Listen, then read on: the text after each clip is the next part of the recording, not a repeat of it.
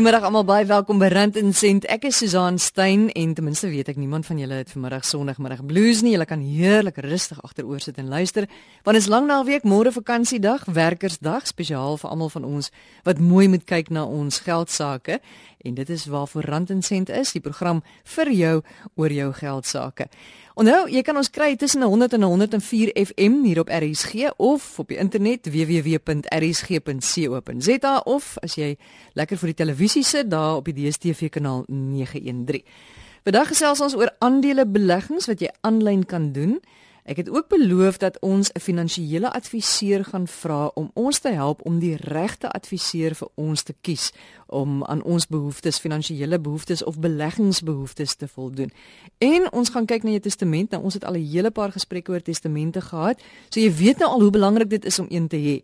Maar vandag kyk ons wat gebeur met jou testament wanneer jy 'n gesin begin. Dan moet jy beslis jou testament laat verander, nuwe klousules of 'n nuwe testament opstel, maar wat is dan belangrik om in daai testament te noem? Ons begin met aandelebeleggings en uh, ons praat met Helena Konradi, sy is die hoofuitvoerende beampte by Satrix, dis een van die groot maatskappye waar jy onder meer aanlyn kan belê.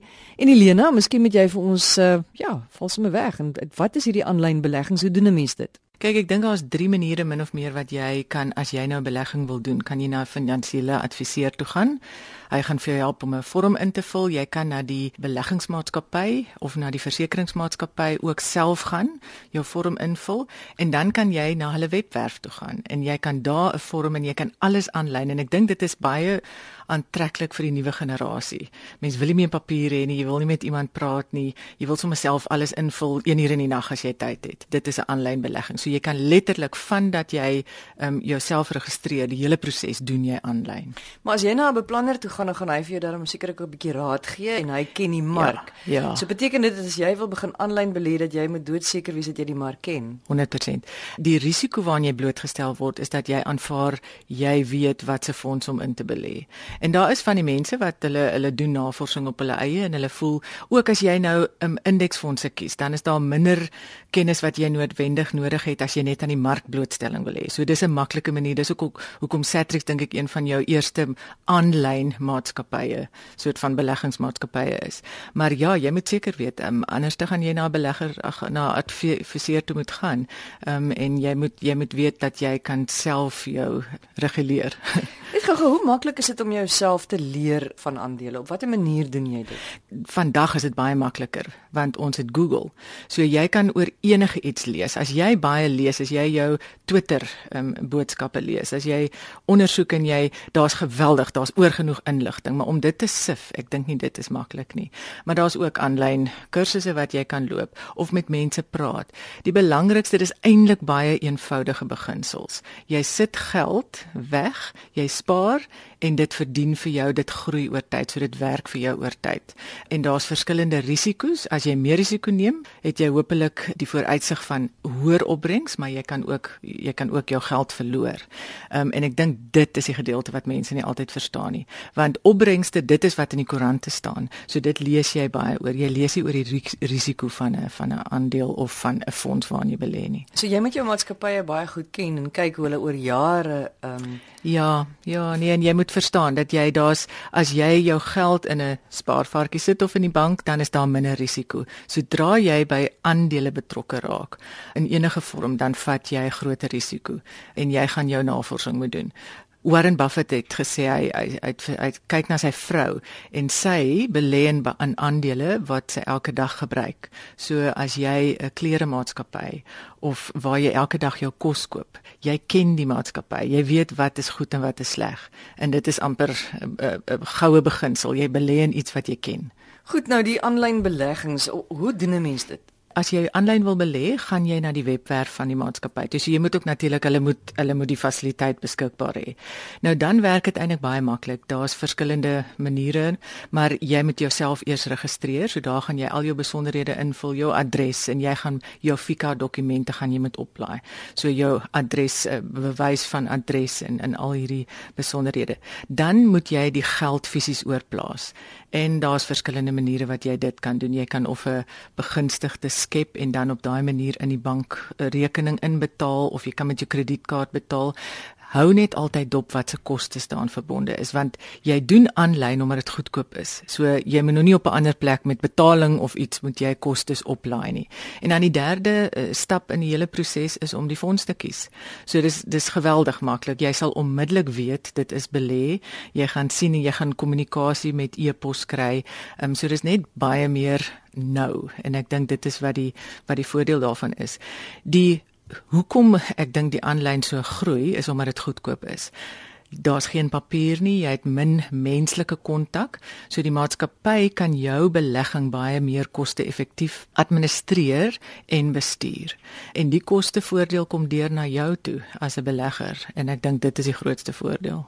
So koste min papierwerk. Ehm um, jy kan dit sommer doen daai een uur in die nag. Watter ander voordele is daar nog? Oor tyd is dit dat jy miskien ook beheer kry oor jou jy, weet daar's 'n interessante verhouding wat mense het van begin. Mens weet nie baie van finansies af nie, maar dit bepaal eintlik jou hele lewe. So ja, eh, adviseer is baie belangrik, maar jy moet ook verantwoordelikheid neem en ek dink aanlyn selfs al gebruik jy nog steeds 'n adviseur. Aanlyn beteken nie jy gaan 'n nie adviseur gebruik nie, maar jy neem net meer beheer en verantwoordelikheid oor jou eie finansies en ek dink dit is amper jou sagte voordeel as jy dit so kan noem. Ehm um, kostes is die is die mees ehm um, belangrike ene maar die feit dat jy self beheer neem, um, ek dink dis ook 'n belangrike voordeel. Jy praat van adviseer, is dit iemand met wie jy aanlyn kontak kan maak of is dit dan nou maar iemand wat jy oog tot oog moet ontmoet af en toe? Daar's verskillende maniere veral oor see kry jy baie meer dat jy aanlyn kan kontak maak en advies vra oor fondse of oor selfs die proses om te belê. Hier is dit nog die tradisionele manier dink ek meer dat jy um, gesig tot gesig met iemand praat um, en hom vra. Nou die risiko's, is dit is dit 'n veilige manier om met jou geld daar in die ether om te gaan? Ja. Kyk, ek dink daar's twee risiko's wat uniek is tot die aanlyn bedryf.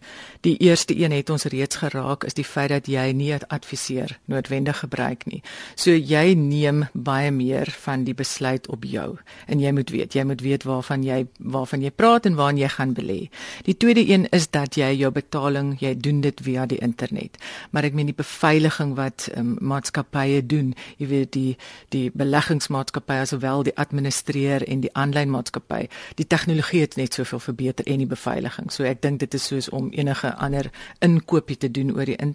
Jy is bewus van die risiko, maar jy weet ook ons is al so ver gevorder. Jy moet maar net mooi kyk haar. Jy sal gou genoeg weet of daar fondse uit jou rekening uit is of 'n um, kredietkaart laat jy net do dophou in jou state. Maar verder ek ek dink dit is minimaal wat mense kry dat hierdie hierdie probleem is.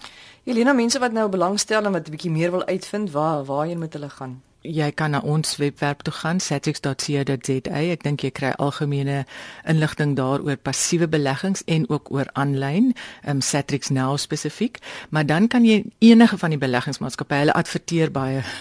so jy sal weet wie hulle is. Jy kan na hulle webwerf toe gaan en dan jou finansiële adviseur. As jy een het, vra vir hom soveel as moontlik en vra vir hom oor kostes ook. Ek dink dis dis wat die belegger deesdae baie slimmer maak. Kostes van die produk, so jy het jou produk, dan het jy hoe jy dit amper bereik en dit kan wees deur aanlyn of deur adviseur, so daai adviseurkoste en dan enige platformkoste wat jy dalk het. So vra baie vra want ek dink mense aanvaar net hopeloos te gou. Ehm um, en hulle besef nie watter invloed koste oor tyd. Ek meen dit is koste vat weg van jou opbrengs opbrengs oor die lang termyn. So minder koste jy het, hoe meer opbrengs kry jy en ek dink dis die vraag wat jy baie meer moet vra. Elena Konradi, baie dankie. Sy is die hoofuitvoerende beampte by Satrix. Es land en sent op RSG jou finansiële program op 'n Sondagmiddag. Ek is Susan Stein en uh, daat jy nou gehoor as jy 'n uitdaging soek en jy wil begin om aanlyn jou geld te belê, dan uh, kan jy gerus uh, Helena se raad volg. Nou, sy het nou gepraat van 'n finansiële adviseur en ons weet hoe belangrik dit is om iemand te kry wat ons kan help as ons nie genoeg daarvan weet nie om iemand te kry wat ons kan help of advies kan gee hoe ons kan belê, waar ons kan belê en natuurlik baie belangrik wat dit ons kos. Nou so 2 weke gelede het ek vir julle gevra om vir my asseblief of uh paar finansiële adviseurs asseblief laat hoor van julle en sê vir my ehm um, wat julle dink. Ons wou weet, noem vir ons 'n paar punte wat ons 'n gedagte moet hou wanneer ons vir 'n finansiële adviseur soek iemand wat by ons behoeftes gaan aanpas.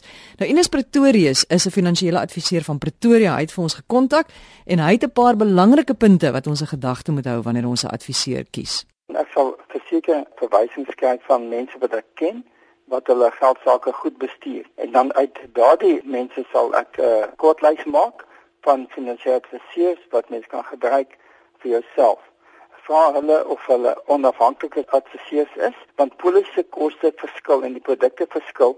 Party maatskappye spesialiseer in sekere beroepe en party maatskappye in ander beroepe. So een maatskappy gaan vir jou beter voordele gee vir jou beroep as wat 'n ander maatskappy gaan doen en dit is nogal insiggewend om te sien hoe groot die premie verskil is. Persoonlik self as ek moet nou 'n finansiële adviseur moet kies, sal ek kyk na 'n onafhanklike persoon en dan sal ek ook op die onafhanklike persoon se openbaarmakingsdokument kyk met watter maatskappy het hy almal lisensies. As hy net een of twee maatskappye lisensie het, werk hy vir eintlik een maatskappy. Maar kom maar eerlik sê, as 'n uh, persoon uh, byvoorbeeld 'n mutual verteenwoordiger het of 'n sanlam verteenwoordiger wat hom goeie diens gee, dan kan hy nog steeds by dieselfde doel uitkom. Ek dink jy kan natuurlik verfyn en baie beter doen, maar aan die einde van die dag is dit beter om iets in plek te hê as jy niks in plek het. Dit is baie beter om 'n uh, belegging in plek te hê as jy geen belegging in plek het nie. Ek het by kliënte uitgekom wat voor die voet by elke ou wat hom aangekom het 'n belegging gekoop het en daai persoon is finansiëel totaal onafhanklik. So ek dink nie dit is regtig so belangrik nie. Maar my bekommernis is dat mense sê maak as hom verneek dan wil ek baie graag weet hoe weet hy dat iemand hom verneek het uh, of verkil het? Is dit omdat iemand die voorheen verteenwoordiger of adviseur se werk afgekraak het sodat hy daai werk kan kanselleer en 'n nuwe produk kan verkoop? Dan nommer 3, ek sal versoek dat hulle vir my openbaarmakingsdokument aanstuur. Daar is 'n die die wet vasgestel, ses stappe wat jou finansiële adviseur moet volg om seker te maak dat hy sy werk reg doen. En daar's ook 'n etiese kode.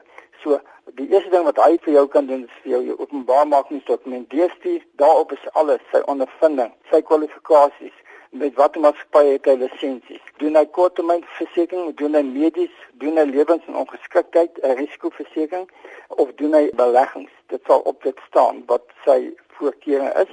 En as jy dan byvoorbeeld beleggings doen, jy sit met 'n ou wat lewenspolisse spesialiseer in risikoversekering of medies, dan jy die verkeerde persoon by jou voordeur dan ook ek persoonlik dink 'n ou moet die jong ouens 'n kans gee en 'n finansiële adviseur wat by my aankom en nie vra vra en seker maak hy verstaan my behoeftes nie, gaan ek die deur wys. Ek dink dit is baie baie belangrik dat hy hom goed vertroud maak met jou situasie en seker maak dat hy verstaan wat jou behoeftes is want baie keer verstaan hy self nie wat jou behoeftes is nie. Die vra te vra as jy getroud is, jy ongetroud, hoe is jy getroud? Hoe ek jy dink jy, hoe is jou gesondheid?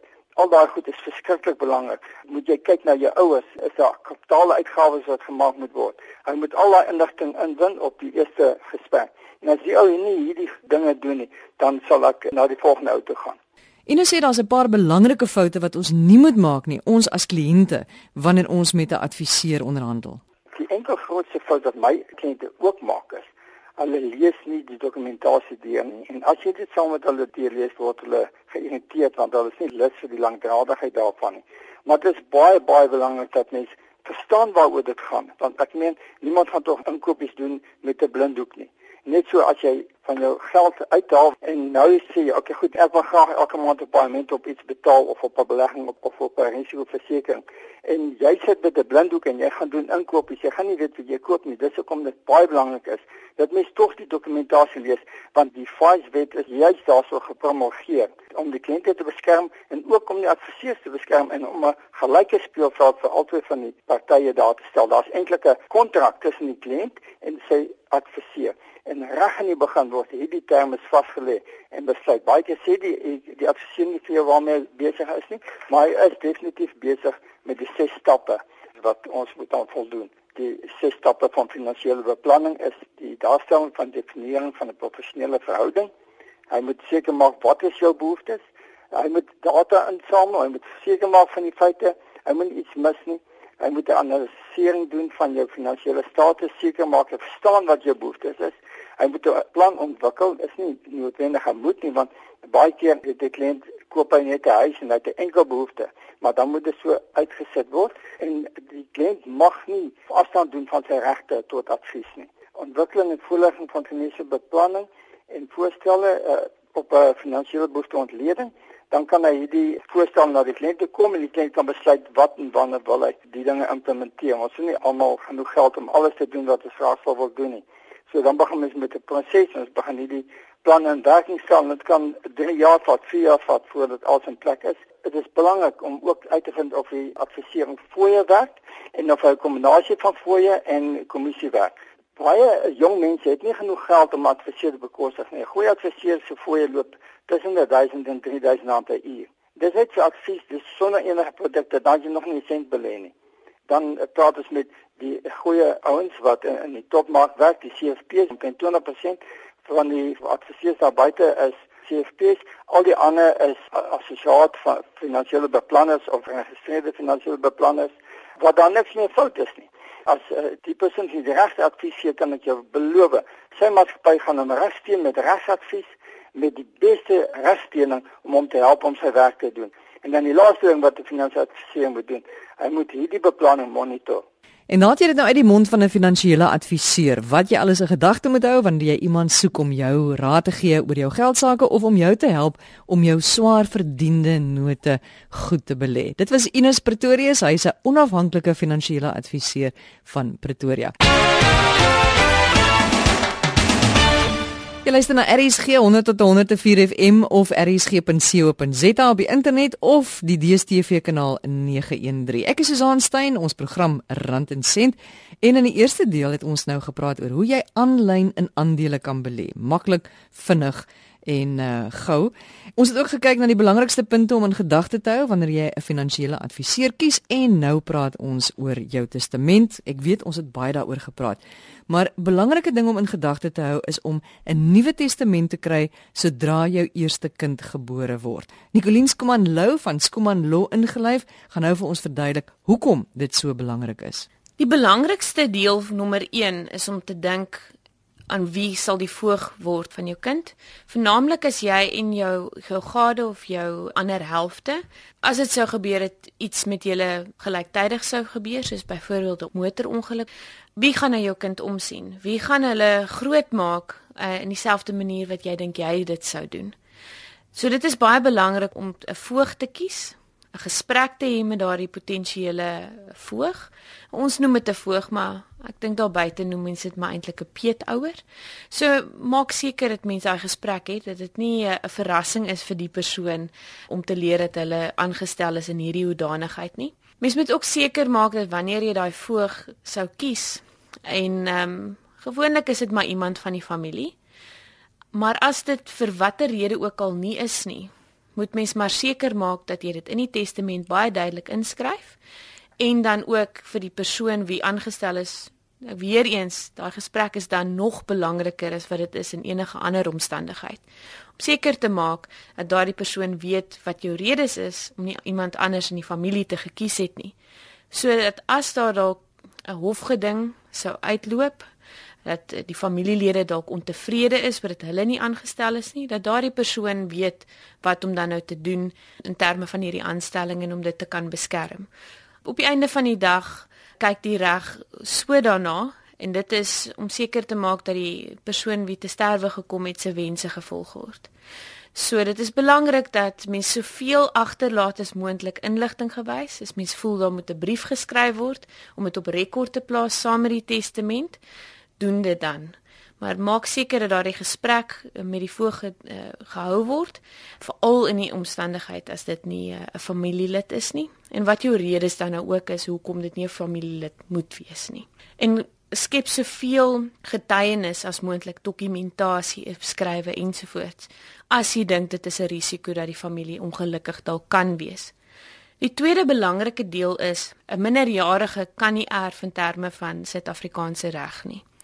Dit beteken as jy te sterwe sou kom en uh jy bemaak dele of die geheel van jou boedel aan jou kind, wat minderjarig is, dat dit in die voogdyfonds sal inbetaal word.